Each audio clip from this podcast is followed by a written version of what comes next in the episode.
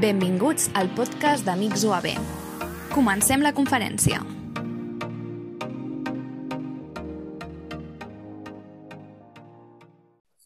Bona tarda a tots. Uh, benvinguts al channel d'Amics de l'UAB. Aquesta sessió d'avui es tracta del de, títol de Wikipedia, el coneixement obert. Uh, per això tenim una sèrie de, de convidats que, que són molt experts en el seu àmbit. Començo per presentar-vos a l'Anna Costal, que és professora de, de l'ESMUC, de l'Escola Superior de Música de Catalunya. Té una gran trajectòria amb l'edició de continguts de Wikipedia amb el, entre els alumnes de la universitat i confio, Anna, que segur que ens podràs il·lustrar molt amb el, tota la teva experiència. Eh? Espero que sí, moltes gràcies. Benvinguda. Uh, després, uh, l'Àlex Hinojo. Actualment l'Àlex és uh, coordinador digital de l'Institut Ramon Llull. Compta amb una gran trajectòria també de participació en projectes de Wikipedia, sobretot al CCCB, en biblioteques públiques, etc etc. Ha sigut un gran activista de la Wikipedia, la veu, veu visible de la Wikipedia catalana. I bueno, també confio a Àlex, que segur que ens il·lustraràs molt amb tota la teva experiència. Benvingut, Àlex. Bona tarda. A continuació, el Xavier, Xavier Dengra, doncs, eh, és el científic biotecnòleg, eh? està actualment fent un postdoc al, a la Universitat de Leuven, a Bèlgica. Eh, també compta amb una gran trajectòria d'edició de, de continguts a Wikipedia, ha estat col·laborant a l'Autònoma també com a assessor de projectes Wikipedia amb algunes signatures científiques també amb, amb el projecte Wikipedia Cornellà, etc. Molt. Suposo que, eh, Xavier, també ens il·lustraràs molt amb tots els teus coneixements de, sobre Wikipedia. Farem el que podrem. Bona tarda, gràcies. Bona tarda. I finalment, jo em dic Vicenç Allué, sóc el cap de la Biblioteca de Veterinària, des del 2013 que, que estic, m'ha agafat el coquet d'edició de, de Wikipedia, i bueno, intentem fer el que podem. M'agrada molt tot el tema del coneixement obert, eh, participatiu i lliure, i seré el moderador d'aquesta taula rodona. Així que la idea és que podeu participar al llarg del, de la sessió, bé a, a través del contingut de, del canal YouTube en streaming, feu fer un comentaris o també del WhatsApp al 93 581 1490. Si us sembla, doncs comencem. Eh? Uh, aviam, uh, us fareu algunes preguntes i vosaltres aneu, aneu comentant i anem fent una mica la, la sessió bastant, bastant dinàmica, que és el que interessa no per tothom, sobretot per l'audiència general. Aviam, estem amb... A la Viquipèdia tothom en parla, tothom uh, l'utilitza, però a vegades també és bastant desconeguda pel, pel gran públic. Què us sembla? Que, quin, quin és el paper de la Viquipèdia en el món del coneixement obert que avui en dia està tan, tan en boga? comenceu a, a dir la vostra. Així, una pregunta així ben, ben punyent i ben global. Què us sembla? Comença tu, Anna, si vols. No, no, prefereixo que comenceu vosaltres, en aquest cas. Doncs, Xavier, tu ets el científic, et toca. Jo diria democratitzar. Vull dir, és el concepte, um, el concepte bàsic que jo crec que defineix la Viquipèdia quan parlem de, crec que en dues vessants, democratitzar coneixement i equiparar llengües, és a dir, fer que qualsevol llengua sigui um, essencial o que sigui vàlida per explicar qualsevol concepte i que, per altra banda, qualsevol persona que parli qualsevol llengua pugui accedir a aquest coneixement. Crec que ara ens trobem en un moment digital en què, en diferents motius, alguns drets digitals s'estan perdent o que no som conscients de com de ràpid està avançant el món digital i crec que la Viquipèdia de vegades ens situa una mica en quin punt som i quines són les fragilitats del sistema digital en què ens trobem i l'accés a aquest coneixement. Molt bé, Xavier. La resta, voleu dir alguna cosa sobre el tema?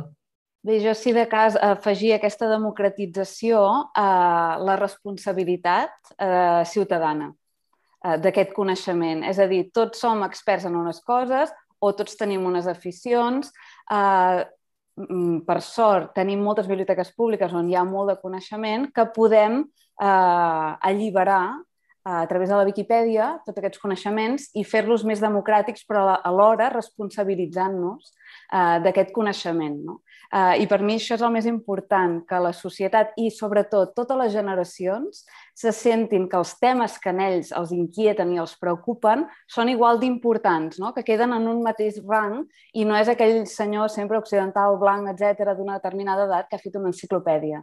I això, en termes educatius, que és el que més m'he dedicat en, en ensenyaments artístics superiors, que és l'ESMUC, doncs és fonamental que els músics, en el nostre cas, som uns tècnics i que els nostres temes poden interessar a tothom en llengua catalana, òbviament, Després ja entrarem en el tema de les traduccions, que és molt interessant el que passa a la nostra escola, però sobretot la responsabilitat de comunicar i de sentir-se partícip com a ciutadà. Per mi és el més important.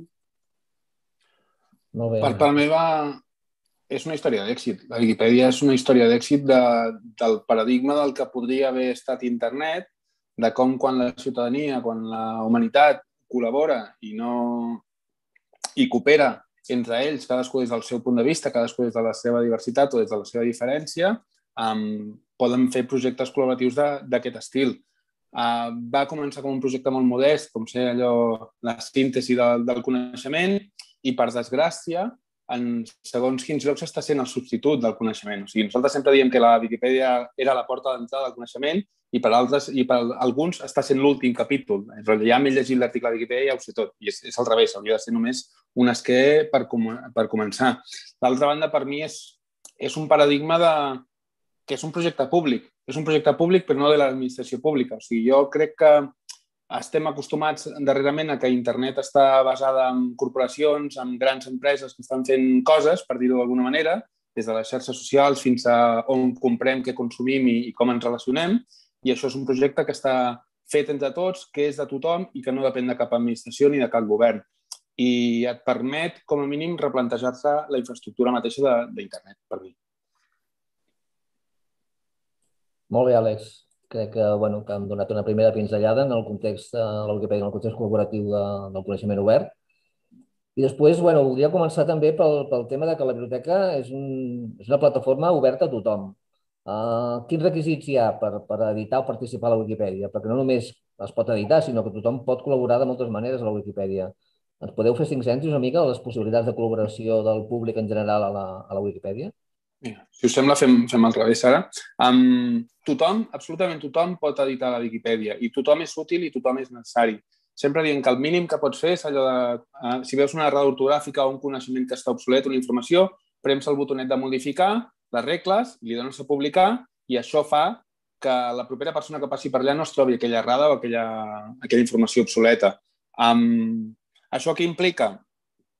Implica que absolutament tothom pot editar la Viquipèdia. Només necessites coneixement publicat, o sigui, un llibre, una notícia, una revista científica, un paper, temps lliure, ganes, òbviament, i un dispositiu electrònic des de, des de on publicar aquesta informació. Mm. Molt bé, Àlex. Merci. Bé, en el meu cas, que en diverses assignatures el temps l'han de tenir eh, per força perquè els hi va un, un tant per cent de la nota, eh, el que cal és compromís per part del professorat i dels docents, que potser alguns dels que ens estan escoltant ho han estat, o són, eh, i tenen aquest interès. Hi ha d'haver una bona dinàmica entre el professorat que ha de gestionar molta informació perquè cada article que et fa un estudiant pot tenir fonts diverses, Uh, has de fer diverses passes, que això en Xavier em va ensenyar molt bé com, com fer-ho, com ho fa ell, no? de demanar primer les fonts. Quines fonts utilitzaràs pel teu article? No ja trobar-t'ho fet, que després ja uh, um, corregir-ho és molt més difícil. Quines fonts? I com a mínim tres llibres o tres articles científics, perquè font, ells entenen eh, ells, dic, la societat en general, qualsevol cosa penjada. Aleshores, els hi estàs eh, eh, fent que coneguin els criteris. I els criteris a la universitat, en un cicle superior artístic o de qualsevol mena, eh, l'has de tenir claríssim. Quin és el criteri pel qual un, un text és uh, fiable o no. I això no és si està millor o pitjor, pot ser opinable i no científic, aleshores no funciona.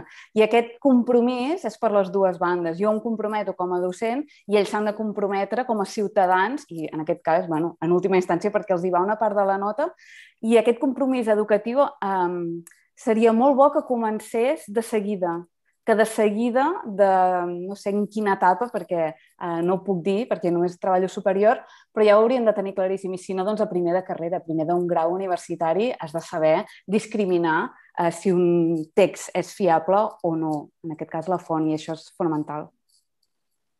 Molt bé, Anna, gràcies. Sí, jo, jo pel el que han dit els companys, penso que de vegades també encara tenim una mica aquest marc mental no? de la por aquesta de no, és que jo per escriure la Viquipèdia necessito, necessito tenir un, un nivell d'escriptura avançat o necessito ser capaç de poder trobar les fonts o necessito ser capaç de poder traduir d'un altre idioma. Jo crec que un dels avantatges de la Viquipèdia i que també ens ha portat a l'èxit que és, és la, la, la diversificació de les funcions. És a dir, nosaltres ens trobem que avui dia qualsevol persona que tingui un telèfon mòbil i que tingui unes eines, una mínima digitalització, és capaç de penjar una fotografia, és capaç d'avisar d'una errada. Vull dir, ja la Viquipèdia no potser és tant d'editar-la pròpiament, eh? però simplement entendre tot allò que l'envolta. Crec que en un context en què l'audiovisual s'està imposant molt en el, en el periodisme d'avui dia o en la comunicació d'avui dia, qualsevol persona que té un telèfon a la mà i és capaç d'anar a un acte o a un esdeveniment fer un vídeo, aprendre a penjar-lo o dir, mira, jo no el sé penjar, però el puc cedir a algú que em pot ajudar.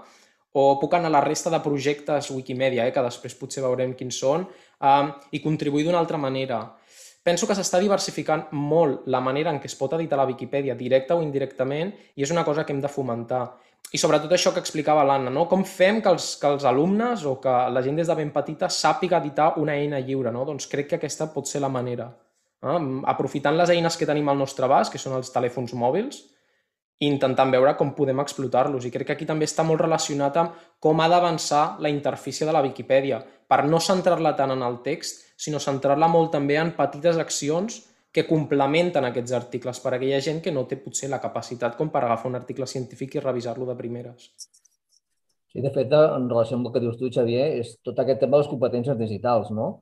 una mica avui en dia es parla molt de competència digital, la Wikipedia seria una eina fonamental per, per desenvolupar aquestes competències, no? I en aquest sentit penso que també seria una bona eina per poder anar introduint a la societat en el, en el món de l'edició i del contingut en obert, no?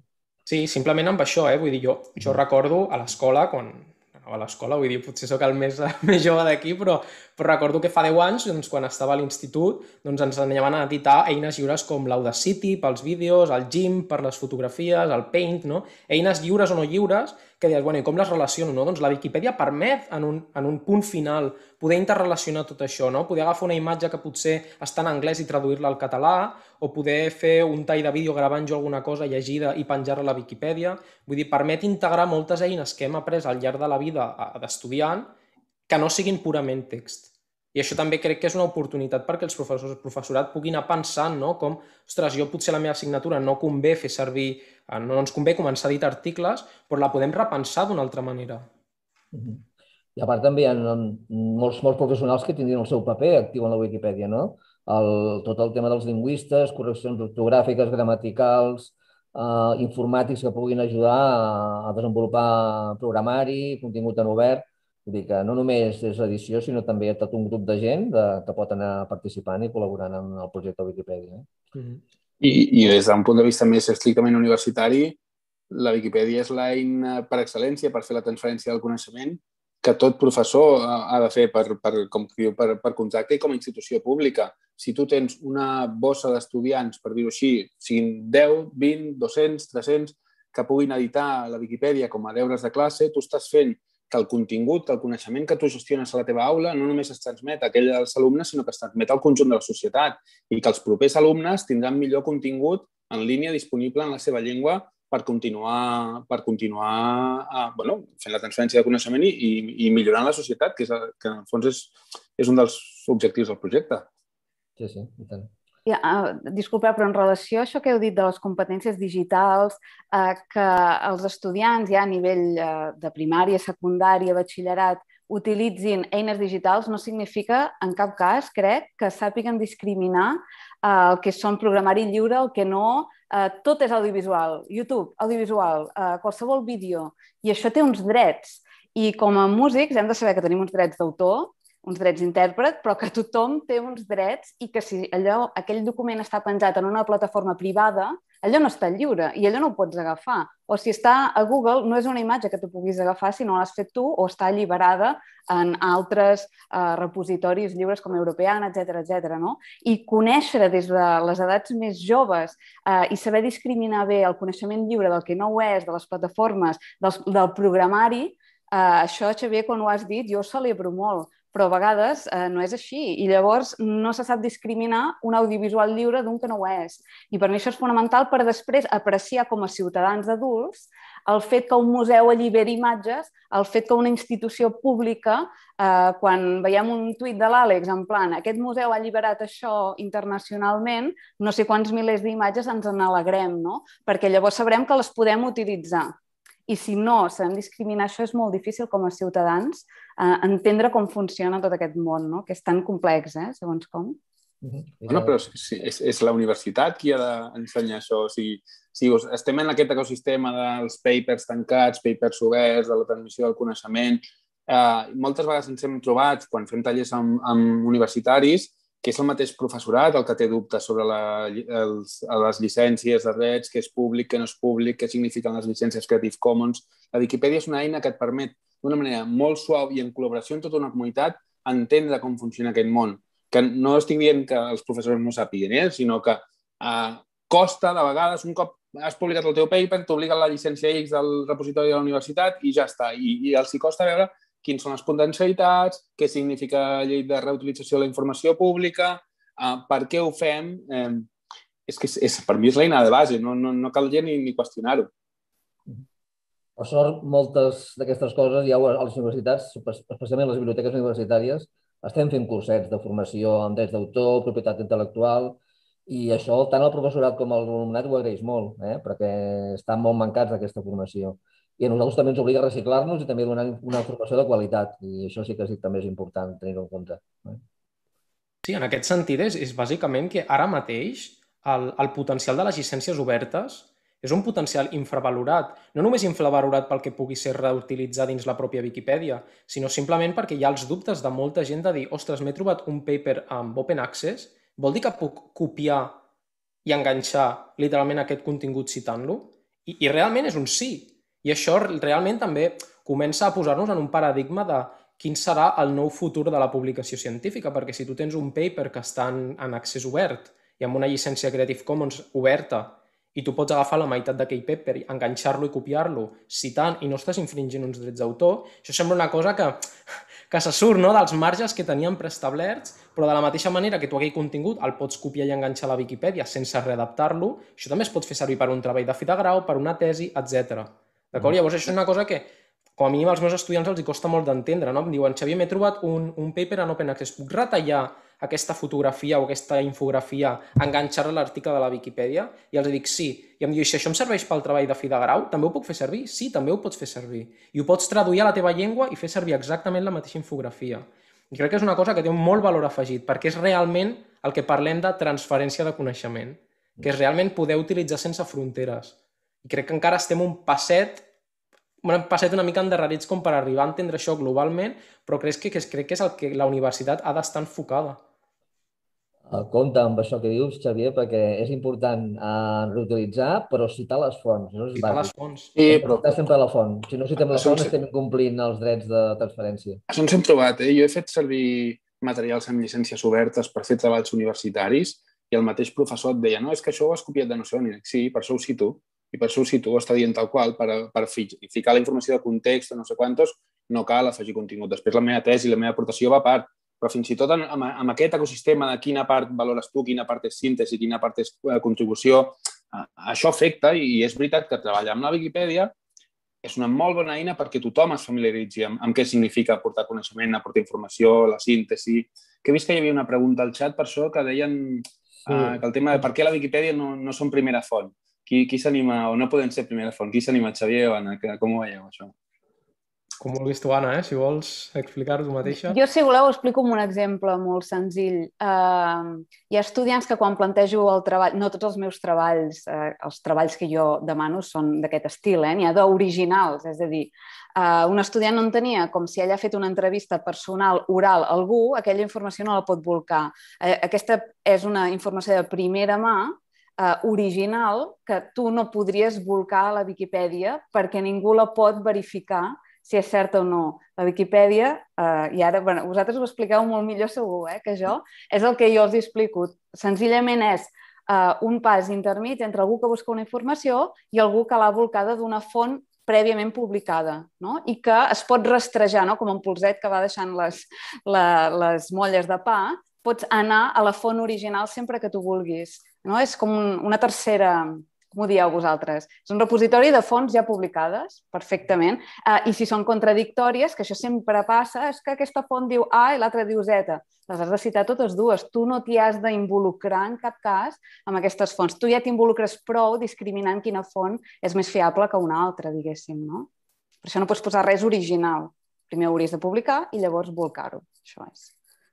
Sí, com diu l'Anna, el que li dona fortalesa al projecte és, una, la capacitat d'actualització que té, o sigui que hi ha centenars de, o milers de voluntaris, depenent de la llengua, amb ganes d'anar actualitzant contingut, però a nivell de fiabilitat, nosaltres diem que la Viquipèdia no és fiable, és fiable en tant quan les seves fonts o les fonts que fa servir són fiables. O sigui, l'important és la verificabilitat de la informació. Sigui, que un lector pugui traçar d'on hem tret la informació que afegim els voluntaris. Llavors, si la informació no està publicada prèviament, eh, no, es pot, no, no, es pot, no es pot verificar.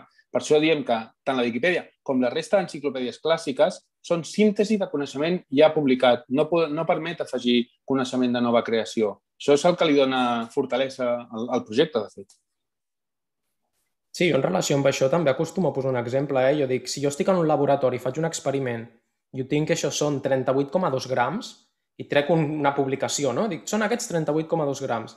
Aquesta publicació, en certa manera, és la que està més propera a la meva experiència personal el laboratori. Llavors, després de mi, qui ve? Ve una persona doncs, que es dedica a compilar el meu experiment i el de 10 persones més i diu, d'acord, la, la, la compilació d'aquests 10 experiments ens van donar que ha el coneixement sobre aquest, uh, sobre aquest àmbit diu que és A, B i C. Nosaltres, amb aquesta font, que és el que s'anomena una revisió, i en un estat més llunyà, fins i tot el que s'anomena l'enciclopèdia, som capaços d'establir un consens entre les diferents fonts. Llavors, la Viquipèdia, en la manera més ideal, s'hauria de basar en aquestes fonts consensuades. I això són les enciclopèdies, les enciclopèdies clàssiques, són les revisions científiques, les reviews, i pot ser, per exemple, un reportatge basat en diferents entrevistes. D'acord? Llavors, a mi, per exemple, m'agrada molt no? aquests tuits quan surt algú dient a, al Twitter, no? Ai, m'he trobat els contenidors, aquestes enciclopèdies, l'enciclopèdia Espasa, l'enciclopèdia Larús, quina llàstima, no? I algú sempre respon, no, aquestes enciclopèdies ja no serveixen per res. Doncs no, els viquipedistes fem servir aquestes enciclopèdies per poder escriure els nostres articles i tenen un cert valor perquè potser desactualitzades en alguns articles són aquelles compendis de coneixement del que hi havia sobre un tema. I sempre m'agrada diferenciar això, no? l'experiment que jo pugui fer en un laboratori respecte a la compilació que pugui haver fet una enciclopèdia, que és una font terciària.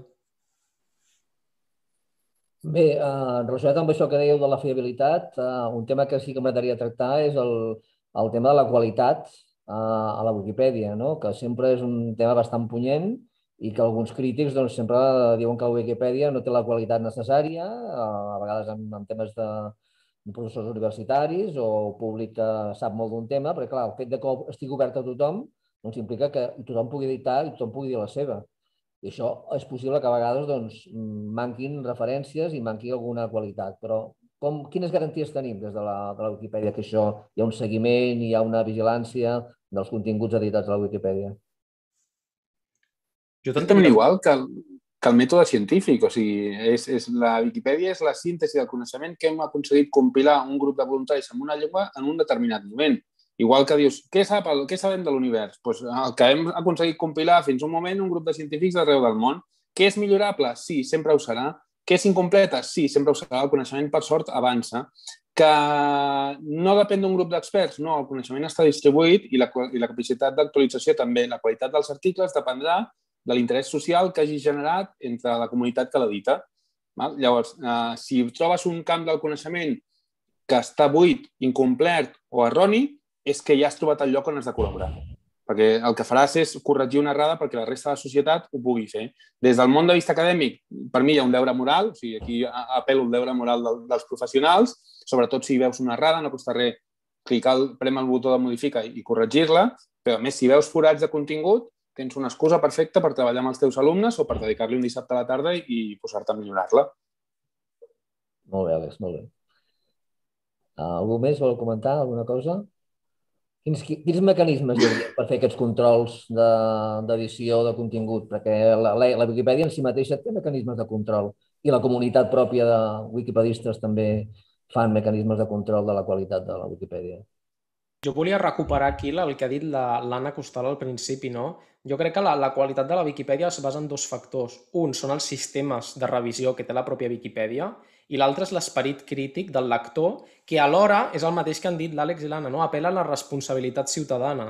Vull dir, jo puc oferir-te tot el millor contingut possible, però si t'estic oferint un article que té bones fonts i les té ben citades respecte a un que no en té cap, aquí és una mica l'esperit crític del lector i per això és important formar-los des de ben joves, aprendre a veure quan un article és vàlid o un article no és vàlid.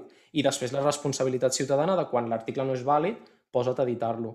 Però crec que la Viquipèdia Vull dir, jo als meus alumnes sempre explico els cinc, això ja és una cosa una mica més tècnica, no? però els cinc sistemes de revisió interna que té la Viquipèdia. La Viquipèdia té un, cada pàgina té un historial on pots saber des d'on va començar aquell article fins on ha arribat, els canvis recents, pots veure què s'està editant en aquest moment en tots els articles de la Viquipèdia i després no només pots revisar el paràmetre, la, la, la foto general, que són els canvis recents, i la foto d'un article concret, sinó que també pots revisar la foto d'un usuari concret. Per tant, tens diferents camps no? per veure, per contrastar la qualitat d'un article concret o qui l'ha editat. Crec que això és molt positiu. I sistemes d'alerta, via que arriben alertes als editors que ja han prèviament editat un article i tots els sistemes automatitzats de bots i semi-intel·ligència artificial que ens ajuden a, a patrullar els, els articles editats. Sí, sí, és, és... Ja, ja li agradaria a moltes eh, empreses que tenen controls de qualitat que funcionessin com la Wikipedia. I crec que el, el, la por a la qualitat del projecte és desconeixement. És desconeixement. O sigui, animo a la gent que, que, que no coneix prou el projecte que, que s'hi posi a editar, que ja veurà els filtres de qualitat que troba.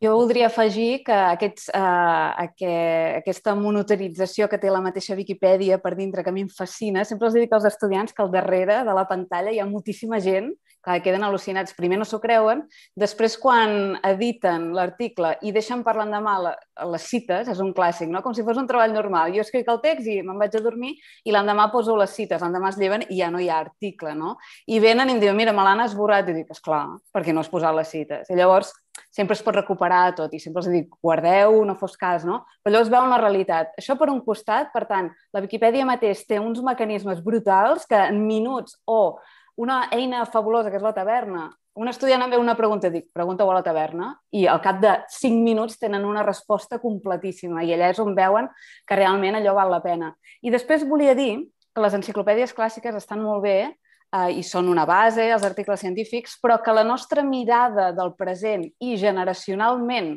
als estudiants de 18 a 22 anys és fonamental. I, per exemple, els hi, faig, eh, els hi poso alguns exemples com una de les enciclopèdies musicals més importants del món, New Grove, que està dintre Oxford Music Online, la més important del món, estem subscrits a l'escola, val uns diners... Entres allà, per exemple, una compositora, Rosa García Escort, una dona, compositora, eh, que se'n va anar a l'exili després de la República Espanyola, l'entrada és veure a Jesús Baligay, que és el seu marit, no? Aleshores, és així, la principal enciclopèdia musical del món et diu aquesta dona, doncs busca l'article del seu marit, no? Que quan veuen això, per tant, generacionalment això ja no ho acceptem. No és que el coneixement sigui de qualitat o no, és que hi ha un, un tipus de coneixement, els viaixos que ja entrarem, que són els de la societat, però que la, els estudiants de 18 a 22 anys ja no han de permetre i que, per tant, aquest és el nostre forat, no? I és allà on hem d'incidir, en tot allò que la societat ha canviat i les enciclopèdies, pels tempos que tenen, no tenen temps de, de ser tan ràpides, no? Això és fonamental per mi, també. Jo crec que per això és una, una de les avantatges que té la Viquipèdia és que funciona per consensos. El consens, afortunadament, sempre està per sobre de tot això, no? Pot ser que per alguna raó hi hagi... En el cas de la, de la Viquipèdia en català, no, però és que en el cas de la Viquipèdia en anglès, jo recordo que en el passat s'havia vetat alguna font perquè es deia, hi havia un consens que acordava que aquella font no era vàlida. Mm, el Sunday. Digues? El, no, el The Sun, el diari... El The Sun, el diari The Sun, sí, el Regne Unit. Llavors, bueno, perquè consideren que és una premsa groga no? o que no, no aporta informació que sigui rellevant per un projecte com la Viquipèdia. Jo, en relació amb el que parlàvem, no? de la qualitat una altra vegada, a mi em passa amb, amb, amb... Clar, jo he fet de col·laboració, no? jo no sóc titular a l'autònoma, jo sempre col·laboro amb altres i a vegades els professors titulars, pel que fa a la qualitat, al principi eren reticents, no? Ostres, és que jo la qualitat um, no ho tinc clar, si és el lloc on els meus alumnes han de fer, però un cop s'animen, una de les primeres pantalles que es troben és com jo puc blindar els meus alumnes perquè ningú altre els destrossi l'article. Llavors dius, oh, no, però és que aquí és on, és on has de fer... És el canvi de xip, clar. És el canvi de xip de, escolta, tu els teus alumnes els has de preparar perquè en el futur, quan publiquin, tindran un, un peer review, no? un revisor de, um, ocult o un revisor anònim que els hi corregirà el que estan fent. Doncs la Viquipèdia és el primer, és la primera lleonera, no? Els llences als lleons de que jo està públic. Els has de blindar. Viquipèdia lleonera, tens tuit, eh, aquí. Exacte, no els has de blindar d'aquesta lleonera. Els has de deixar, llavors, per mi això ja és un primer filtre de qualitat, el permetre que els alumnes s'enfrontin a que altres usuaris els puguin enviar un missatge i dir escolta, el que has escrit no tenia cap ni peus. En, una, en, una bona, en un bon acompanyament, eh? que en el 95% dels casos són bons acompanyaments.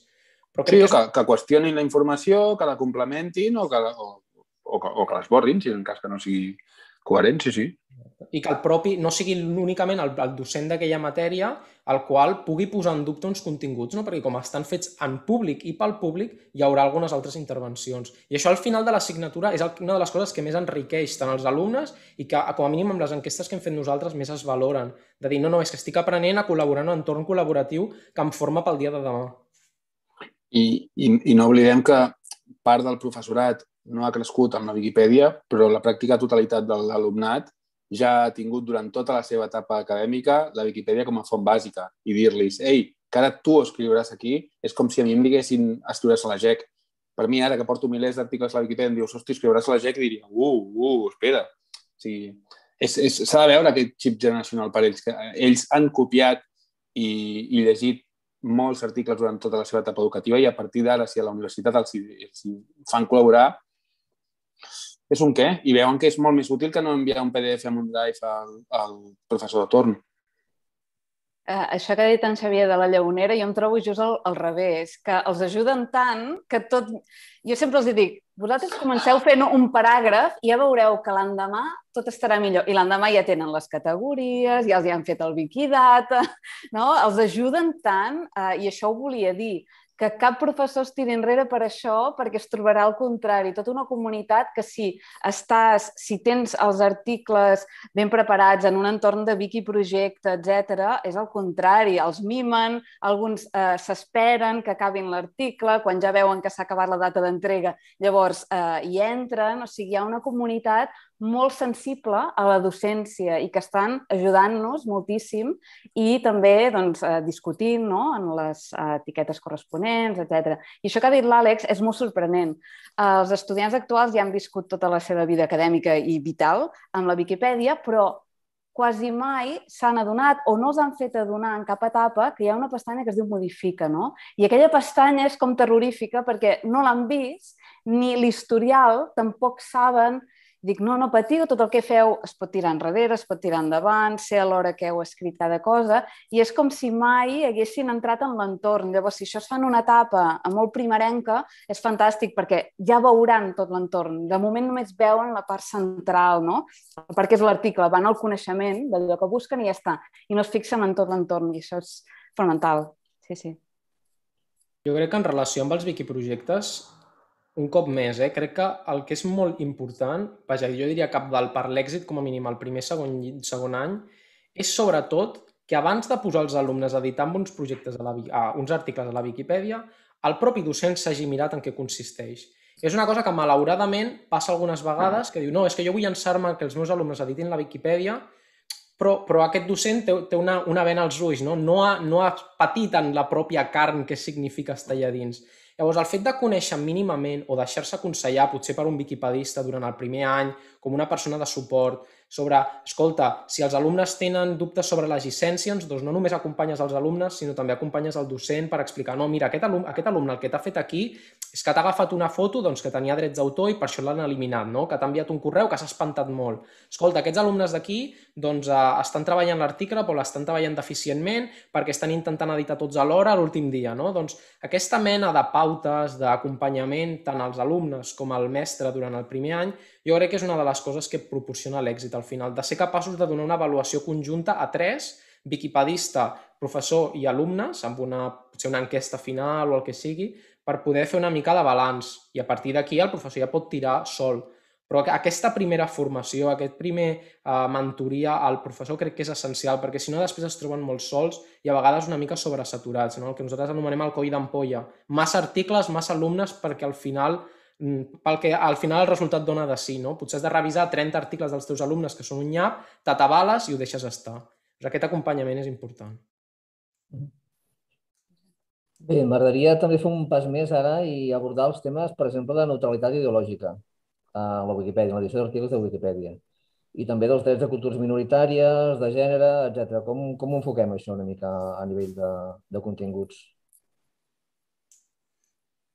Tota persona quan tria quin article editar ja té, parteix dels seus propis biaixos socials, educatius, socioeconòmics i, i geogràfics. Eh, això no és, és normal i les Wikipèdies hi ha força recerca que parlen de l'etnocentrisme que tenen les, les diverses comunitats lingüístiques. I és normal. O sigui, si tu vas a la biblioteca de, la, de veterinària de la UAB, segurament el contingut de la biblioteca sigui més etnocèntric eh, o igual d'etnocèntric que el de la biblioteca de veterinària de la Universitat de Praga més autors locals, alguns autors europeus, pocs autors subsaharians, o sigui, és, és normal perquè vivim en la societat que vivim. Llavors, què passa? Que canviar el fons d'una biblioteca és molt car, canviar el fons i els biaixos d'una Viquipèdia és més fàcil.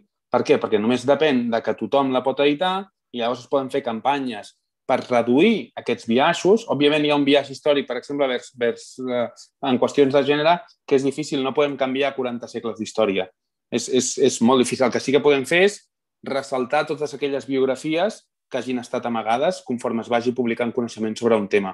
I dic que biaix de gènere, però hi ha, biaix, hi ha molts més biaixos cognitius que totes les wikis tenen.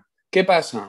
Hi ha, hi ha diverses coses aquí també. Que les wikis, en les wikis més petites, aquests biaixos són més evidents. Perquè, per exemple, tu imagina que estem, tenim editors que fan articles sobre música doncs en el nostre cas, doncs, si agafes el Loen, que té temes d'òpera estan super ben coberts, però en canvi de temes de jazz no en tenim tants. Per què? Perquè tenim més editors que treballen temes d'òpera que temes de jazz. És un viatge? Sí, és un viatge, però és un viatge de contingut perquè és representatiu de la comunitat que edita el projecte.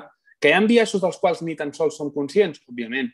Busca articles de geografia sobre el que dèiem, eh, sobre eh, aspectes de l'Àfrica subsahariana i no només, pots mirar capitals d'estat que tenen 8-10 línies i ja no entrem en, en, en d'altres temes. És, és, és normal, però es pot corregir. Com ho fem? Fem campanyes, fem projectes, fem wikiprojectes, fem accions, fem concursos, i, i la gràcia del projecte està en que tothom que detecti un biaix el pot corregir i que, la, i que com a wikipedistes som conscients de les nostres pròpies limitacions. Òbviament, a la manera, quan jo busco unes fonts o edito sobre un tema que m'és proper, tinc limitacions en les fonts que consulto. Sí, si jo agafo un diari que està en català o versus un diari que està en rus, eh, no seran els mateixos punts de vista. Ja és normal. La gràcia és que com tenim traçabilitat de la informació i l'article està obert, si jo faig un biaix en l'article, pot venir el Xavi, pot venir l'Anna, pots venir tu i corregir i neutralitzar aquell article, que també després podrà continuar sent millorat. Un nombre suficientment gran d'ulls acaben neutralitzant qualsevol article. I aquesta és la, la, otra de les bondats del projecte, al meu parer. Perquè també una de les oportunitats que tenim a la Wikipedia és una, una, en cada article hi ha un apartat de discussió que podem expressar la nostra opinió sobre si hi ha biaixos, si hi ha uh, uh, bueno, qualsevol tema polèmic, el podem expressar uh, amb noms i cognoms al, a la mateixa pàgina de l'article. Llavors queda constància de tot el que, el que ha passat i el que, les discussions que hem tingut sobre un tema i arriba a un consens, no? que és del que es tracta. Jo, bueno, el que ha dit l'Àlex és, és impecable en aquest sentit jo diria que en el fet, en, en, el, en la, avui el tema no, és la Viquipèdia i la transferència de coneixement. Les universitats són transferència de coneixement i les universitats són possiblement uns dels llocs en què en l'àmbit acadèmic hi ha més diversitat.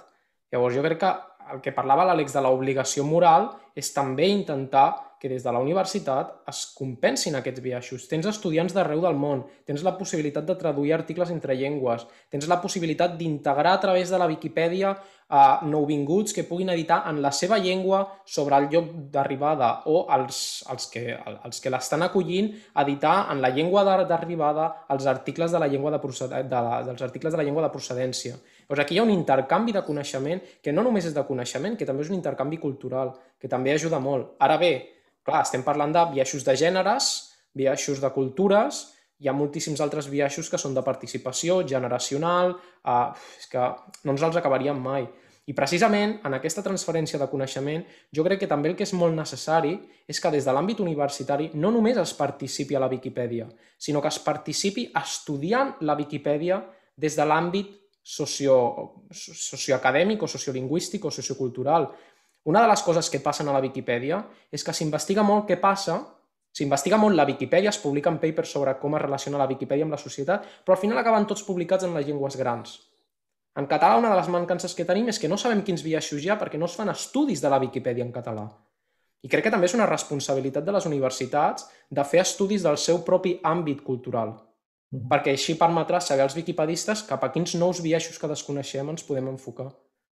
Sí, sí jo diria que un element fonamental són les biblioteques especialitzades i la de l'ESMUC, juntament amb, amb la del Museu de la Música i la Biblioteca de Catalunya, és clar, però sobretot la nostra i la del Museu de la Música són de les més especialitzades en bibliografia internacional eh, sobre música i eh, bibliografia molt recent. No? Aleshores, aquests biaixos, els estudiants entren a la Viquipèdia i els dic, busqueu això, com és que no, no hi és en català aquest article? Si és la compositora de música electrònica més important dels Estats Units. O no? Doncs vinga, en català, no? Aleshores, eh, quan, quan fas això, tota la bibliografia específica i especialitzada que tu tens a mà amb uns recursos públics, en aquest cas, eh, no? i aquesta responsabilitat de transferir-los a la llengua pròpia, al català en aquest cas, Clar, llavors ens trobem problemes lingüístics de traducció perquè els estudiants escriuen molt amb, amb paraules en anglès, no? en anglicismes. Llavors, per exemple, jo el que... Això per un costat, llavors els, els, els faig reflexionar sobre aquests anglicismes, si podem trobar aquesta paraula en català, llavors eines que tenim en llengua catalana, el TermCat, etc, que també hem col·laborat amb el TermCat, no? amb paraules musicals, eh, amb aquests anglicismes, si els hem de traduir o no, i el que volia dir finalment és que és tota la institució, tota la universitat, tots les MUC, tots els, el centre que ha d'anar encarat en la mateixa direcció. És a dir, des de les direccions, biblioteques, hi ha d'haver, per exemple, a l'escola, des de direcció general, ens estem posant molt en la perspectiva de gènere. Doncs eh, bona part dels articles que demano són de gènere, no només de gènere, sinó, per exemple, un estudiant ha fet un estudiant i tots els que han col·laborat mentre ell ho feia i un article que creixerà és la Florence Price, la primera eh, compositora afroamericana reconeguda de música sinfònica. No? Doncs eh, la biblioteca ha comprat un fons important d'aquesta compositora i ho hem eh, transferit en llengua catalana. I l'altra cosa que volia dir, que en Xavier m'ha fet pensar molt en això, tenim estudiants russos, francesos, que les classes jo no les he fet mai en cap altra llengua que no sigui el català. Aleshores, quan detecto això immediatament, els faig partíceps de l'emoció que ells poden sentir en agafar un article en rus, que jo no entenc res, però confio cegament en ells, de que ho traspassaran correctament amb un estudiant nadiu en català i fan, faig parelles lingüístiques. No només això, sinó en basc. Basc i català és meravellós, perquè en basc encara tenen segons m'han transmès aquests estudiants bascos, que en tenim molts també, molts menys tecnicismes en llengua basca. Llavors, s'estan posant les piles d'una manera apassionant. Ja dic, francès, català, rus, eh, castellà, no cal dir-ho, eh, que també faig parelles lingüístiques quan els hi costa, eh, i això em sembla fonamental. Dos coses, que la institució i tota la comunitat vagi a una, i que aquest coneixement s'actualitzi. Si el professor no està actualitzat, no sabrà transmetre uh, un, un coneixement acceptable al segle XXI o al 2021. I, per tant, és, no, és aquest compromís i aquest rigor del professorat d'actualitzar-se. No només perquè fa articles a la, a la Viquipèdia, sinó en general, no? És això. Clar, aquesta mena, aquesta mena de, de fenòmens que potser passen en Viquipèdies que són molt més petites per nombres de parlants o en llengües minoritzades, cap a les llengües majors, no això de traduir, tenir parelles, què passa, com s'ha dit a la Viquipèdia en una llengua petita, no tenim gaires dades, no sabem què està passant. Vull dir, moltes vegades ens guiem per les pròpies experiències personals o per projectes previs, però no tenim un grup de científics d'una universitat que digui anem a estudiar què passa. Sovint es diu, no, la Viquipèdia és un referent, la Viquipèdia en català és un referent de les Viquipèdies, no? perquè és un model d'èxit, és de les més actives del món, però realment no tenim estudis que ens transmetin què està passant o per què la Viquipèdia en català és un model d'èxit. No? Sempre diem, no, és perquè tenim un, una massa de voluntariat lingüístic molt gran. Potser no és això, potser són uns altres motius. Quins són? Uh, a mi m'interessaria molt, m'agradaria molt que a cinc anys vista poguéssim tenir recerca feta sobre la pròpia Viquipèdia i també en moltíssimes altres llengües petites. Bé, trasllado aquí al públic uh, un comentari que ens han fet arribar de que hi ha molts vandalismes de, que provenen d'escoles i instituts. I com treballem uh, per també que, per, amb aquestes institucions per evitar aquest, uh, o, mal, o minoritzar una mica aquests, aquestes vandalismes no? que provenen d'instituts i escoles? Els sistemes de control habituals ja fan que quan des d'una mateixa IP, des d'una adreça d'un centre públic, es fan vandalismes reiterats, hi ha sistemes de bloqueig temporal d'una hora, un dia, una setmana, un mes, per intentar regular-ho, però com amb tot en aquesta vida, el foment és l'educació, és transformar això incorporar que la, la, editar la Viquipèdia, llegir-la de manera crítica, col·laborar, sigui fent fotos o imatges o qualsevol altra cosa, s'incorpori en, en segles formatius de, de grau mig com a mínim. Jo he anat a fer xerrades sobre informació i Viquipèdia a, a cercles de primària i, i, i ja l'entenen, eh? ja entenen què significa la veritat, la mentida, una font. És com, com abans incorporis la, a la comunitat educativa, abans deixaran de fer el burro. I uh, no es tracta tant, o sigui, els, els vandalismes en les escoles són els vandalismes a la Wikipedia no arriben al 3% de les edicions i gran part d'aquests els, els regulen vots. No és un tema que no és un, no és un tema que ens preocupi a nivell d'afectar la qualitat. Això és un debat de pues, com aparcar el cotxe al carrer, de dir, oi, és un debat que encara coeja de quan es va començar a presentar la Wikipedia el 2004, 2005, 2006, que la comunitat educativa el sent com a propi, aquella por de què passa si altres m'ho toquen. És que internet va així, o sigui, està tot en obert i la gent pot dir coses, sí. I, i en la gran majoria de vegades no passa res i d'altres sí. El que comentàvem fa una estona, eh, dels sistemes de, de revisió, Vull dir, el que deia l'Àlex, la semi-intel·ligència artificial, molta de la semi-intel·ligència artificial està dedicada a això, als vandalismes escolars. Quan entrem als canvis recents, que és aquesta pàgina de monitorització del que està passant a temps real a la Viquipèdia, quan surt una, un alumne que, que escriu alguna bajanada, automàticament surt una etiqueta que posa vandalisme escolar. Llavors hi ha robots que això s'ho carreguen i hi ha editors, que hi ha usuaris que la seva única, el seu únic interès o el seu rol, perquè els hi agrada, és d'estar mirant què passa constantment i revisant o verificant les edicions d'altres usuaris i aquestes edicions que estan marcades amb el filtre de vandalisme escolar se'n van fora. Que una de cada 100 o una de cada 200 es queda perquè és un vandalisme molt punyetero que potser li passa per a algú, doncs sí, fins que algú altre vegi en el futur que allò no tenia cap mena de sentit i s'elimini. Potser jo, enfocant en aquest tema, també mm, potser trobo falta una mica de programes específics per, eh, pels instituts eh, que difonguin més la, la, les bondats de la Wikipedia, no? una mica. Fer-la més present a la classe, fer-la més present al dia a dia del, de l'estudiantat de l'institut, no? de secundària. Això, això van fer, fa anys van fer alguns projectes amb CRPs i, i entrar per la via d'innovació pedagògica, però com amb tot, eh, depèn molt de les persones. Hem col·laborat amb diversos instituts, més d'una desena d'instituts que estan fent edició com, com el que fa l'Anna, per dir-ho així, però el que ens trobem és, és una mancança en la formació de moltes vegades del professorat o que tenen prejudicis i quan hem anat a nivell de govern o així no hem aconseguit eh, que, que sigui més permeable aquest tipus de projectes que jo entenc que hauria de ser d'una manera més reglada des del Departament d'Educació. Sí, sí. Si no teniu res més a dir sobre aquest tema, mm, comencem ara a parlar una mica del tema de les versions idiomàtiques de Wikipedia. La Wikipedia, per qui no ho sàpiga, doncs, totes les versions lingüístiques estan interconnectades entre si. I penso que és un tema prou important per començar a parlar de, de bueno, quines diferències hi ha entre versions idiomàtiques, la, el fet de que el, hi hagi el català i què podem fer des de casa nostra per fer més difusió dels continguts de Wikipedia en català, a nivell tecnològic, principalment, m'agradaria que pugueu parlar una mica de tots aquests temes, sisplau. Jo parlaria una mica agafant la campanya que està fent la Plataforma per la Llengua de l'emergència lingüística. L'emergència lingüística no només en català, vull dir, la Viquipèdia està, l'últim cop que ho vaig mirar, estava en 306 idiomes. Quants n'hi ha al món d'idiomes? Se calculen que n'hi ha 3.000, 3.000, 5.000? Estem parlant de que només un 10% dels idiomes estan disponibles a la Viquipèdia. Per mi això ja és una emergència lingüística abans de baixar el nostre nivell, que és el català, és en l'àmbit general. Llavors, bé, és prou indicatiu de que hi ha molta feina a fer per provar d'apropar que hi hagi una Viquipèdia disponible en totes aquestes versions. I una cosa que jo sempre recalco, que sigui sempre des de la vessant de voluntariat. Mm -hmm.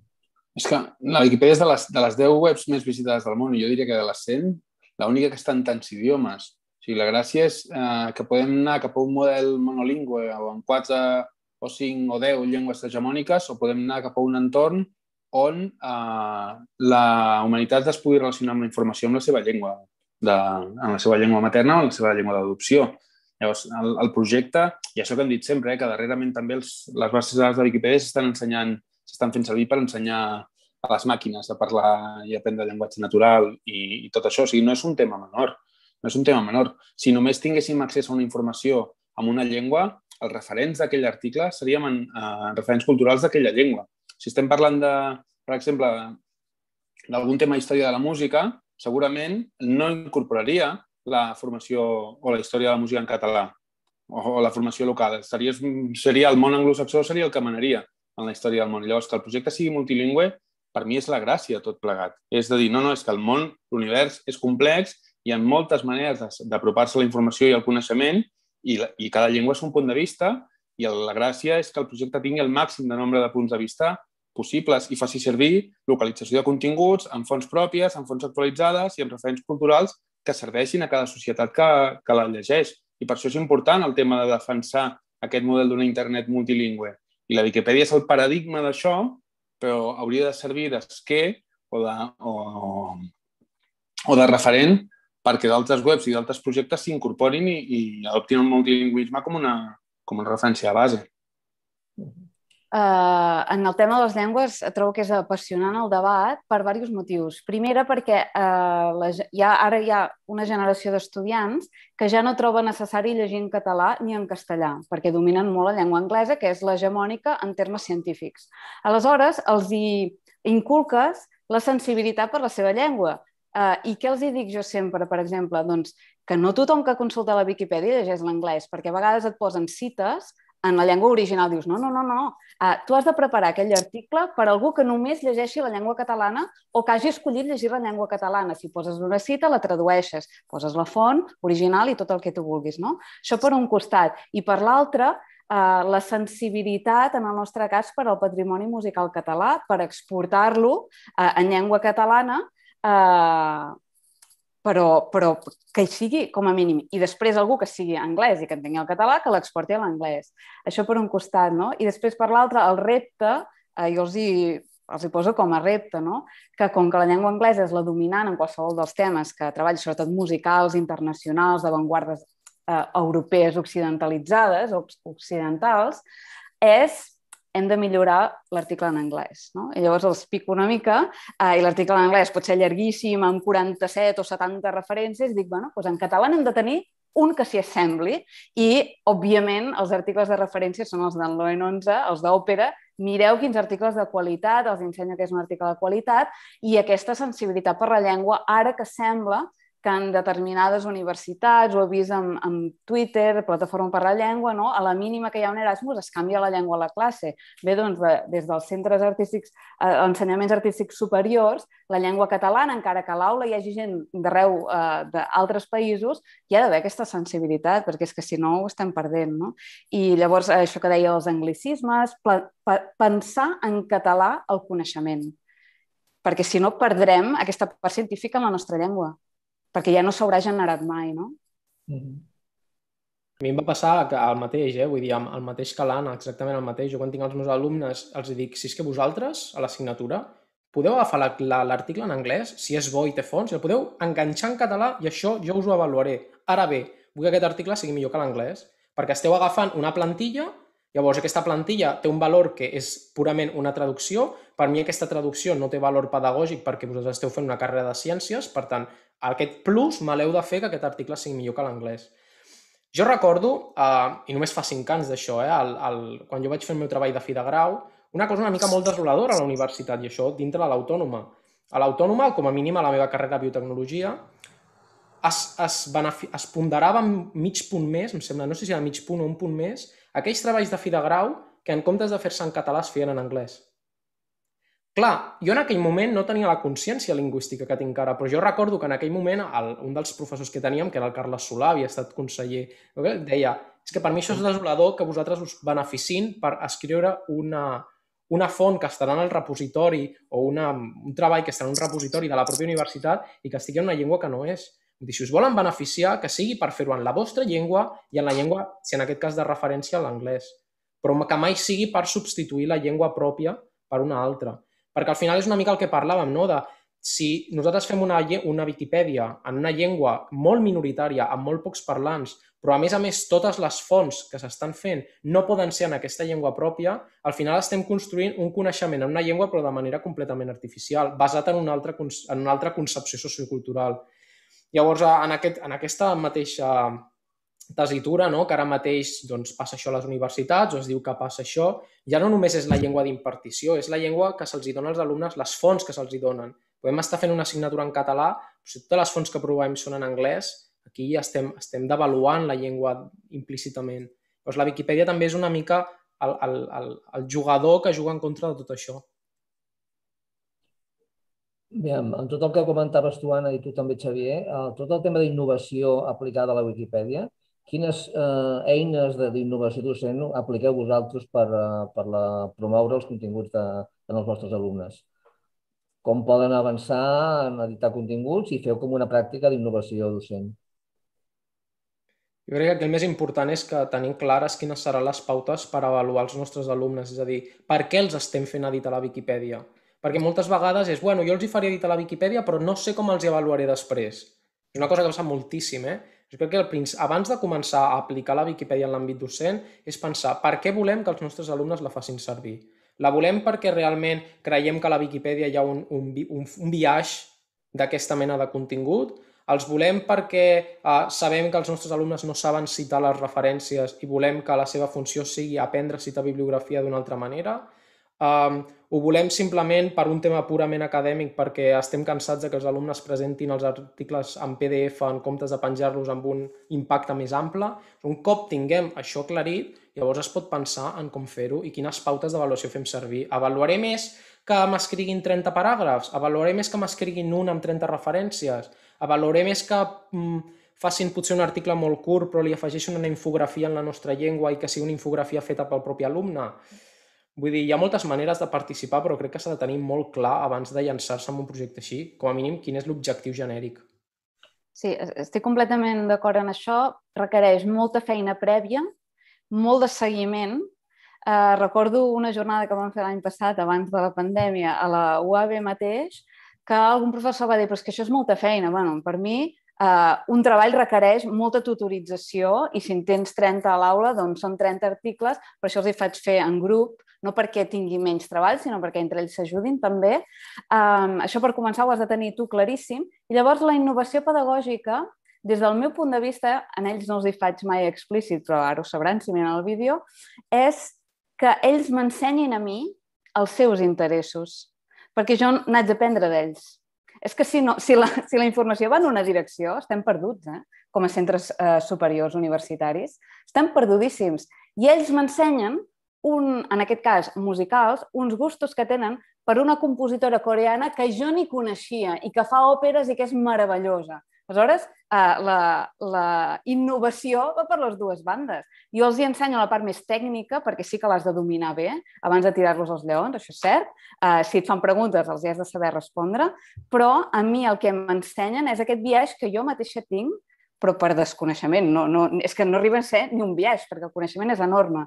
Aleshores, si tu ensenyes una assignatura tan genèrica com Història de la música del segle XX i XXI, Eh, de les avantguardes, s'entén, que ells facin la part de 21 en un article de Viquipèdia beneficia tota la societat em beneficia a mi i a l'escola perquè en retroalimenta i jo demanaré bibliografia a la biblioteca sobre aquesta compositora si no la tenim i per mi aquesta és la gran innovació, que la informació vagi en les dues bandes, en les dues direccions i en horitzontal, eh? no? en, aquest, en aquesta verticalitat del coneixement que tant des del segle XX s'ha cregut. No?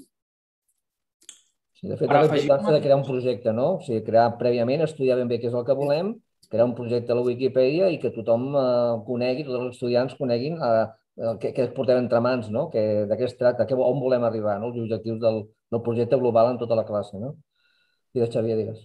No, simplement jo volia afegir el matís, no? Jo, dels anys que portem a l'autònom amb aquestes assignatures, el que m'ha donat és que una de les coses que afegeix molt valor afegit a aquesta innovació digital és que dintre del marc de l'assignatura que es crea aquest article, que els alumnes tinguin certa llibertat per escollir. És a dir, que tu diguis, d'acord, jo en el cas la meva assignatura, no, estem fent biotecnologia alimentària. La biotecnologia alimentària inclou enzims, inclou aliments, inclou intoleràncies... Bueno, què, què vols dedicar-te tu a aquesta assignatura? T'hem explicat, a la classe s'ha explicat tot un conjunt de continguts, però tu després en aquest treball tens l'oportunitat de dins de la pròpia Viquipèdia veure potser quin aliment estrany o d'un altre context o d'una altra cultura tens ganes de fer o que potser t'agrada més la part més tècnica i vols dedicar-lo a un enzim. Llavors, deixar aquest, aquest petit marge d'autodidactisme de permetre a l'alumne que, d'acord, jo t'estic afegint en un tancat, no? És, o sigui, és com posar-lo, eh, com posar-li diferents caramels dintre de la mateixa gàbia, eh? Vull dir, és la gàbia de casa d'editar un article, però dintre d'això al final de l'assignatura podràs haver navegat una mica entre el que més t'agradava. Crec que aquest punt, Ted, sempre és essencial. No? Intentem, si fem un wikiprojecte, no restringir massa les oportunitats que donem als alumnes. No, no. Vols dir alguna cosa, Àlex, tu?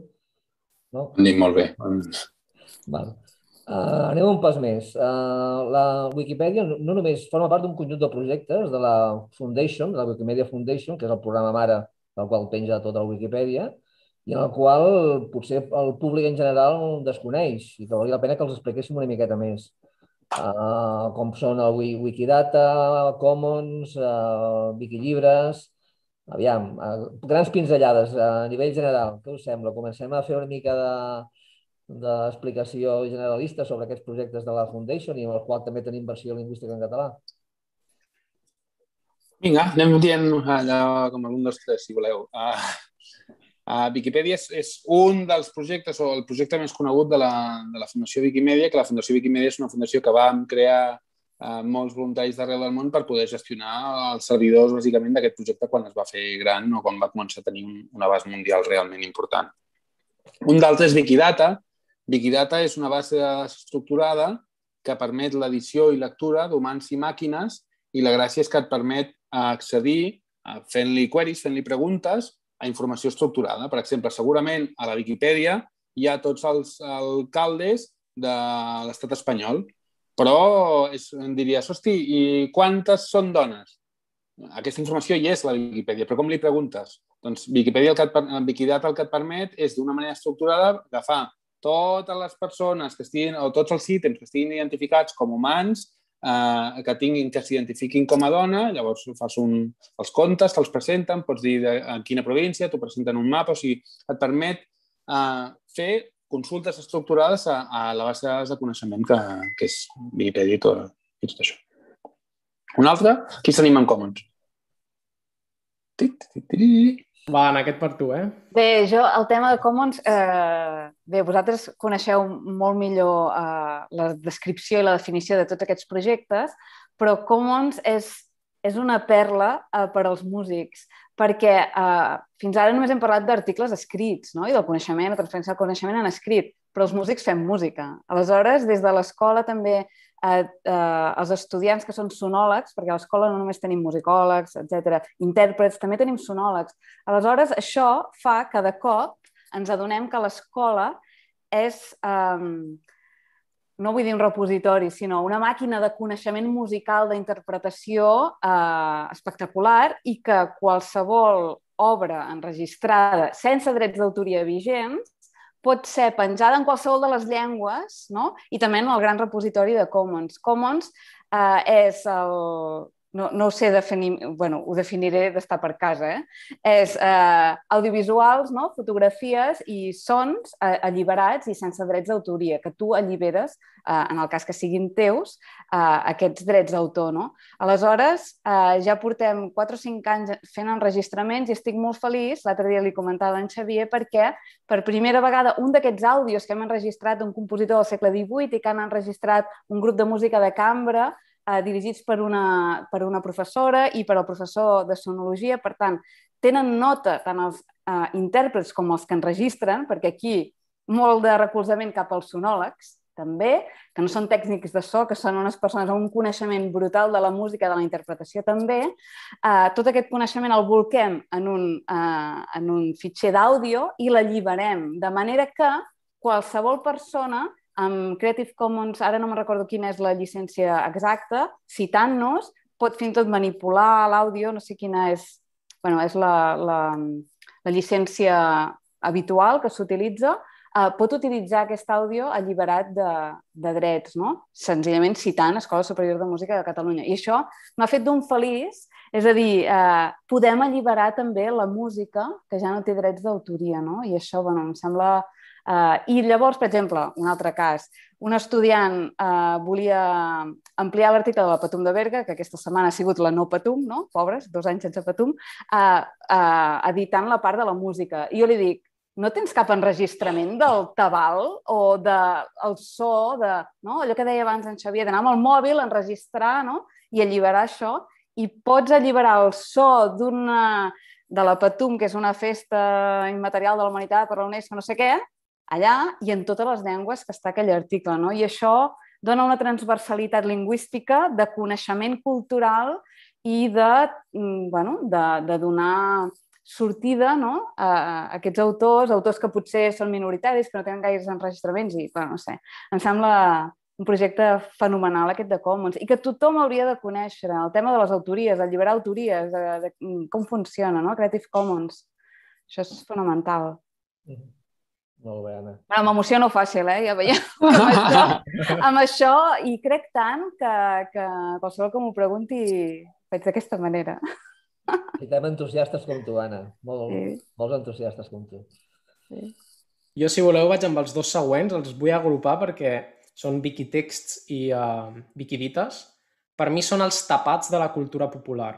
Per què? Wikidites és un projecte que agrupa la paramiologia, no? i per paramiologia entenem el que són uh, refranys, proverbis, citacions cèlebres, uh, frases fetes.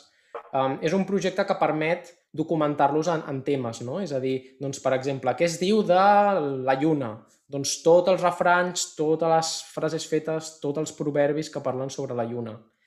Què passa? Aquí Wikidites, normalment això passa molt, no? Quan, quan tu vols buscar alguna frase famosa, te'n vas als típics repositoris, no? Frases de Winston Churchill, i te les trobes allà totes vomitades, en certa manera, però els hi falten fons.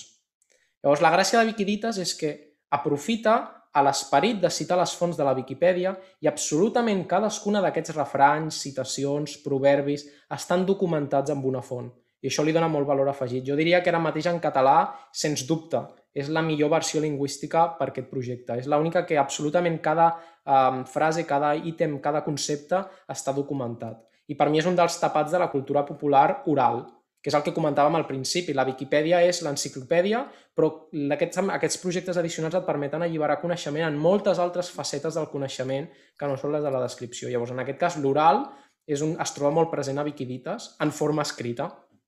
I Wikitexts que per mi és el complementari no? a tot això, és el, el dels textos antics, en llengua catalana en aquest cas, però hi ha Wikitext en moltes altres llengües, són llibres antics que els drets d'autor dels quals ja han prescrit, que el que es fa és s'escanegen, es pengen pàgina per pàgina i els voluntaris van transcrivint.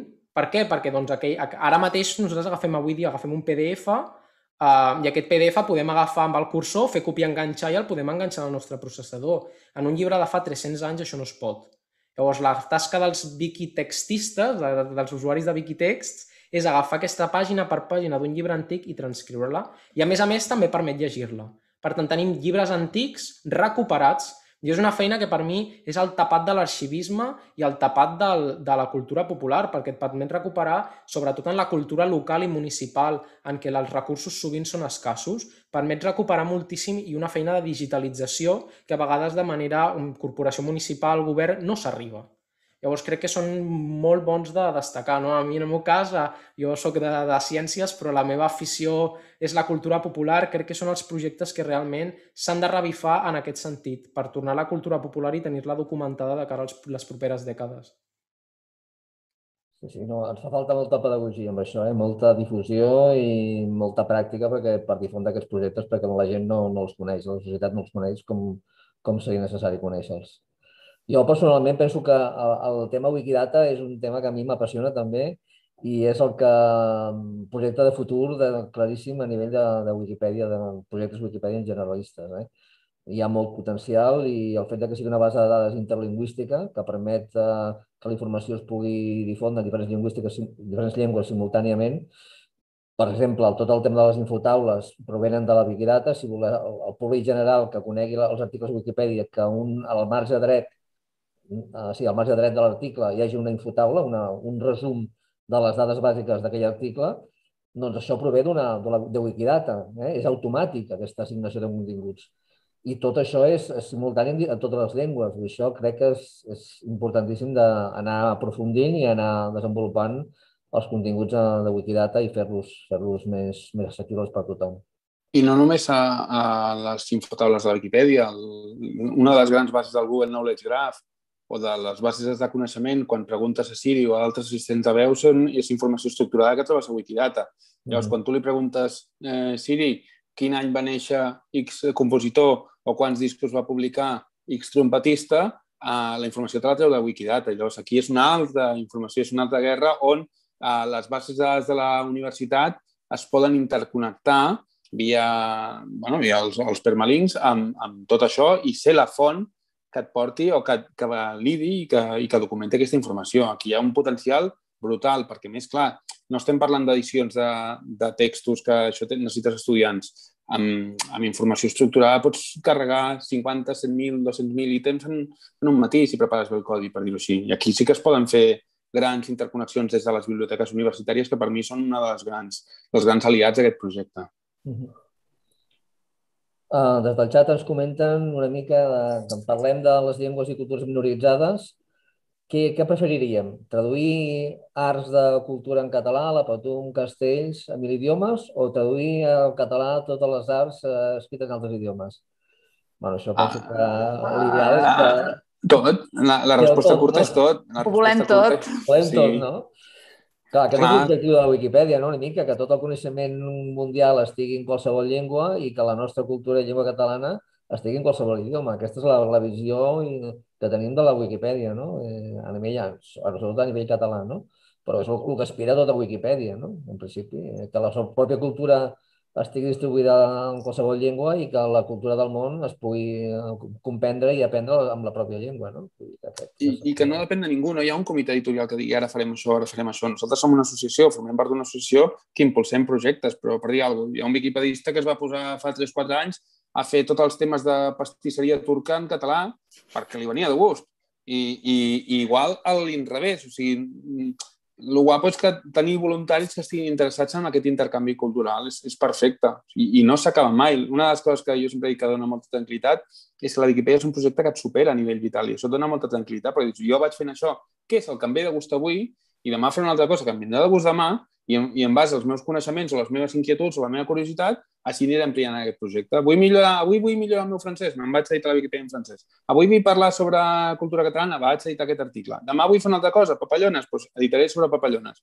I la gràcia és que hi ha espai per tots, i no només per la gent que vol editar coneixement, com hem dit abans, hi ha llocs per gent que li agrada retocar text, allò, correctors. Hi ha molts, igual que catalans tenim boletaires, hi ha molt corrector lingüístic. A la Wikipedia hi ha gent que es dedica exclusivament a reescriure frases, a corregir fal·làcies d'ortografia o a retocar format o a ajudar nouvinguts. Tothom troba el seu forat a la Wikipedia. És el guapo del projecte.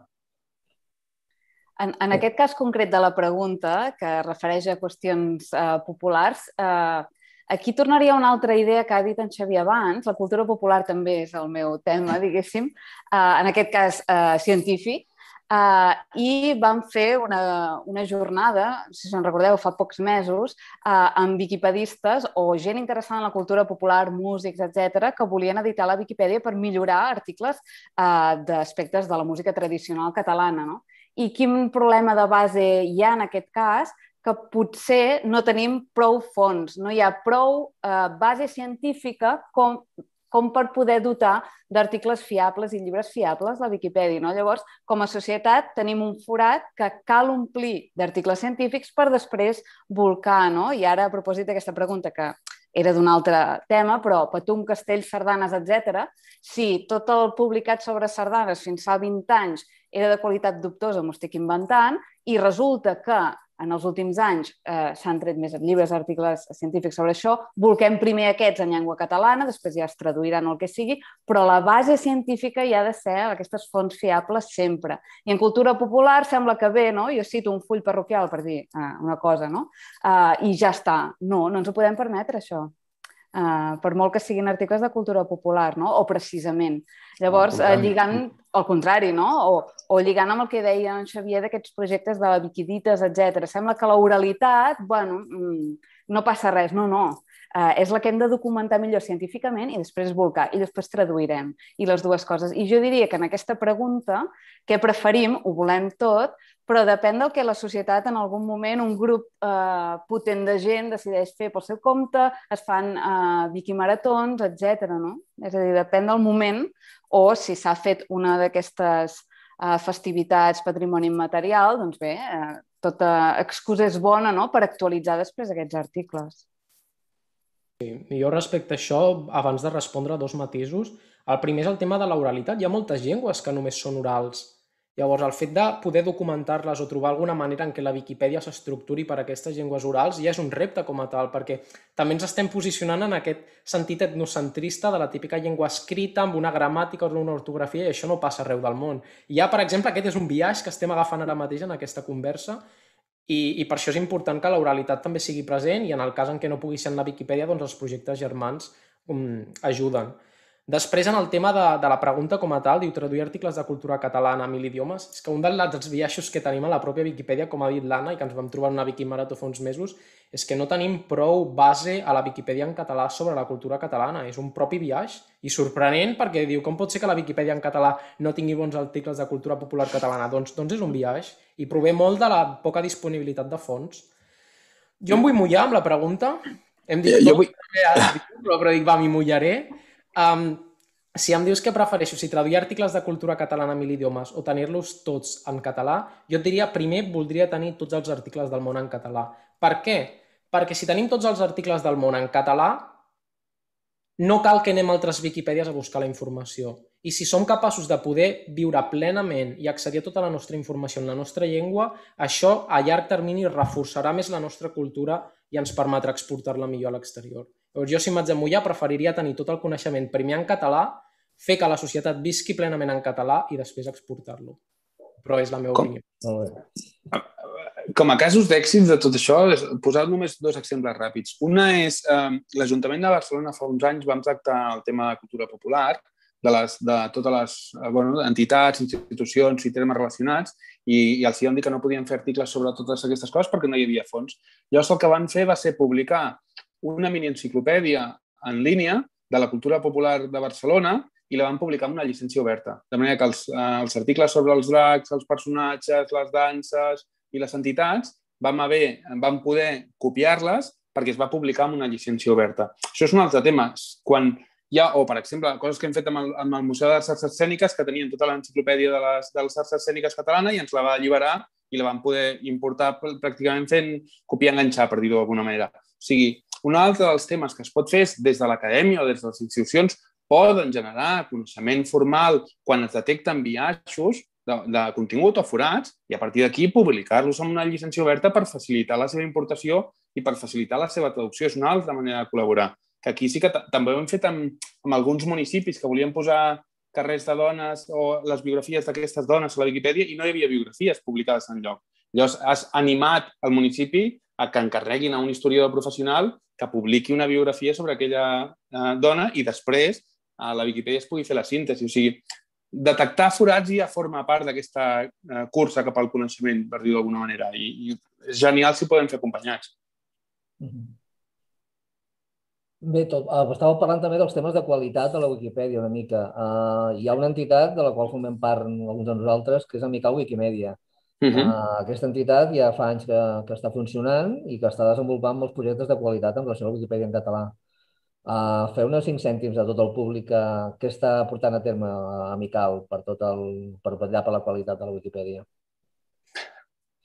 Una mica de tot. Uh, Amical és l'associació d'amics i amigues de la Wikipedia en català i del coneixement lliure en, en català. Bàsicament l'objectiu de l'associació és que el que acabem de dir, que la informació, poder accedir a la suma de tot el coneixement en la nostra llengua i que la informació sobre la llengua i la cultura catalana estiguin disponibles en totes les llengües del món. És una feina que no ens acabarem, però la gràcia és que treballem amb la societat civil, amb institucions, amb les diverses comunitats per organitzar projectes, activitats, eh, projectes educatius, wikimaratons, per tal de facilitar aquesta, aquesta transferència d'informació. En què ens basem per decidir quins projectes fem o quins deixem de fer? En les necessitats o desitjos de la pròpia comunitat i de les institucions amb les quals treballem. Per exemple, doncs, si eh, quan vam començar a veure l'Anna en, vam començar a dir, bueno, feu articles de música, però després resulta que tenen una especialitat en sonologia, quan van començar ni ho sabíem, perquè no coneixíem prou la institució, doncs, doncs farem aquest tipus de projectes. I és anivellar les necessitats de la Viquipèdia o dels seus projectes germans amb les institucions en les quals col·laborem. I això ja s'ha comentat abans, eh, però una de les coses que, que més estem contents quan fem enquestes d'avaluació amb els nostres partners és que diuen que inicialment comencen a, a, a col·laborar amb la Viquipèdia per l'impacte potencial del projecte, però després el que més valoren és el, com els ha ajudat a canviar el xip de la institució, a aprendre a treballar en obert i de manera col·laborativa real. Mm -hmm directament sumat a això que diu l'Àlex, és el, el discurs que se'ls ofereix. Al principi sovint pensen en el contingut i després se n'adonen que realment els estem oferint una nova visió de, de discurs sobre què implica el coneixement, què implica que aquest coneixement estigui disponible en la llengua que es parla en un lloc, en aquest cas Amical està directament enfocada a la llengua i que és una cosa que en el seu moment va ser innovadosa perquè tots els capítols de Wikimedia estaven enfocats en països i nosaltres vam fer aquesta volta de clau de volta enfocada a la llengua Crec que això també és un valor afegit. I, i sobretot crec que en aquest moment també el que és important i el, el rol de Mical és um, parlar sobre drets digitals i sobre què implica uh, que el coneixement sigui realment obert. Eh? Vull dir, jo crec que, que això ho hem debatut algun cop amb l'Àlex. Uh, ens trobem una mica en un zigzag del que representen les llibertats d'internet i s'està veient en moltes lleis. La Viquipèdia com a tal és un, és un, és un projecte, no es pot expressar però el fet que hi hagi una institució amb voluntaris que tenen aquesta experiència editant i que viuen això dintre la Viquipèdia, la possibilitat de fer aquest pas endavant i plantar cara en certa manera no, a la regressió, a la falta de més coneixement, crec que també és molt important. És a dir, no només és, és la, la vessant de contingut, però també és la vessant de parlar perquè hi hagi encara més obertura institucional, més obertura de govern, aquesta una mica no, de, de pressió, no? Que, que crec que tenim la responsabilitat com a viquipedistes més enllà d'escriure un article. Jo de Mical només en puc parlar amb tot el que ens han ajudat. Van desembarcar el curs 13-14 eh, i em van enganxar moltíssim eh, i a partir de llavors no, ens han continuat recolzant en tot el que hem fet, si han tingut dubtes, Vicky Maratons, eh, un suport eh, inestimable, o sigui, magnífic. Molt bé, estem ja enfilant ja al final de la, de la transmissió, falten cinc minuts, però bueno, com per acabar, la, la, la darrera pregunta que us volia fer és, des del vostre punt de vista, quins reptes de futur té la Wikipedia? Uh, el futur proper quins són els reptes que més creieu que, que ens estem enfrontant com a wikipedistes? Té moltíssims, això seria una altra sessió. Uh, primera, la, citogè la citogènesi, que el que dèiem, que la Viquipèdia ha passat de ser la porta d'entrada del coneixement al coneixement per moltes generacions o per una part significativa de la societat. Una altra, la renovació a mig termini de la comunitat d'editors. Tenim una societat que els, els, els nous editors o els nous eh, membres de la societat cada vegada van més cap a una cultura audiovisual cap a una cultura de la immediatesa i de la rapidesa. I per escriure un article enciclopèdic es dedica, necessites profunditat, temps i, i, i lletres, per dir-ho d'alguna manera. Llavors, això ens, ens juga a la contra. La, aquesta rapidesa ens, ens juga a la contra, i tot i que Vicky ve de ràpid. L'altra, la, que Google ens deixi d'estimar o que projectes de cercadors de contingut ens deixin d'estimar. Si la gent cerca per interfícies de veu, tot el que significa Wikidata, que et poden donar respostes sintètiques i ràpides, no, acabes, no et permet la profunditat de llegir un article complet de la Viquipèdia. I aquesta acceleració dels tempos ens juguen a la contra. I d'altres projectes que poden semblar una oportunitat, però que s'ha de veure, com el projecte que hi ha d'Abstract Wikipedia, que és com una mena de transformar les dades de Wikipedia en mini-articles, ai, de Wikidata en mini-articles de Wikipedia perquè aquelles llengües més petites o minoritzades puguin tenir la suma de tot el coneixement. Del rotllo, hi ha un, hi ha un compositor uh, de Nova Zelanda que es educa uh, dodecafònic, jo què sé, m'invento, no sé ni si tan sols estic dient una tonteria. Doncs aquell article només està en anglès i en rus, llavors amb Abstract Wikipedia et donaria una versió semitraduïda des de Wikidata cap a la teva llengua. I això pot fer una cosa bona, que pot ser que accedir a més coneixement en la teva llengua, o pot ser que eh, desincentivi la traducció de continguts de profunditat perquè ens quedem a aquesta superfície. El tema és el, el mateix que hem dit abans, de passar de ser una font generalista a una font de resistència. Què passarà si aquesta acceleració deixa de fer necessària una enciclopèdia, igual que ha, fet, ha deixat de fer necessària l'enciclopèdia en paper. Uh -huh.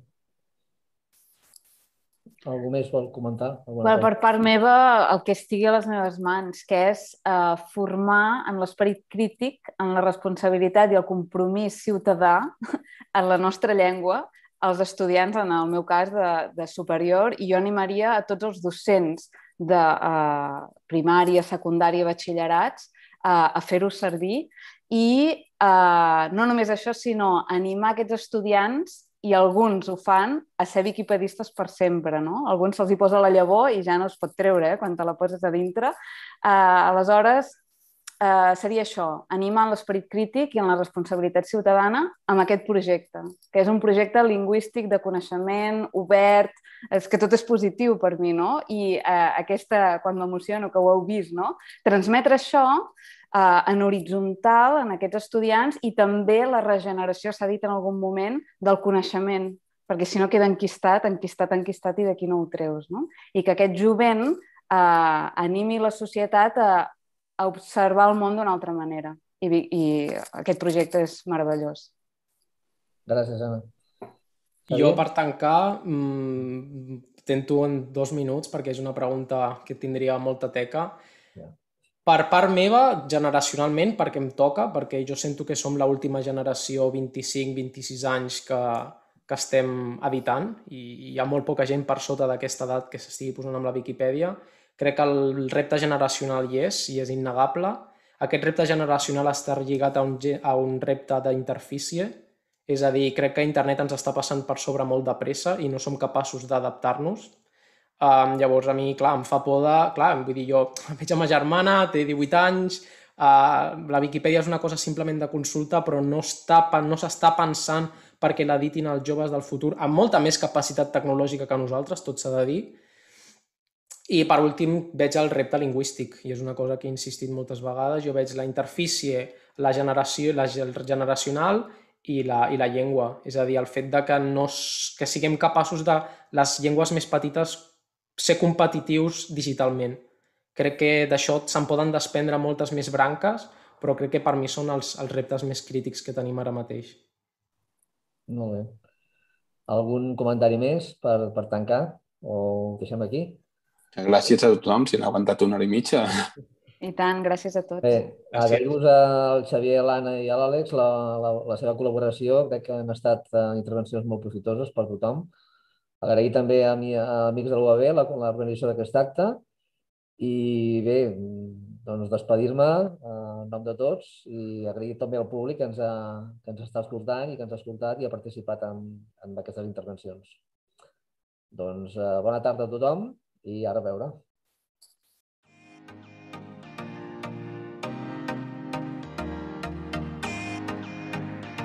Moltes gràcies per escoltar el podcast d'Amics UAB. Recordem que podeu veure els vídeos de les jornades a través del nostre canal de YouTube Amics UAB i seguir-nos a les xarxes socials amb el mateix nom per saber totes les novetats. Fins la pròxima!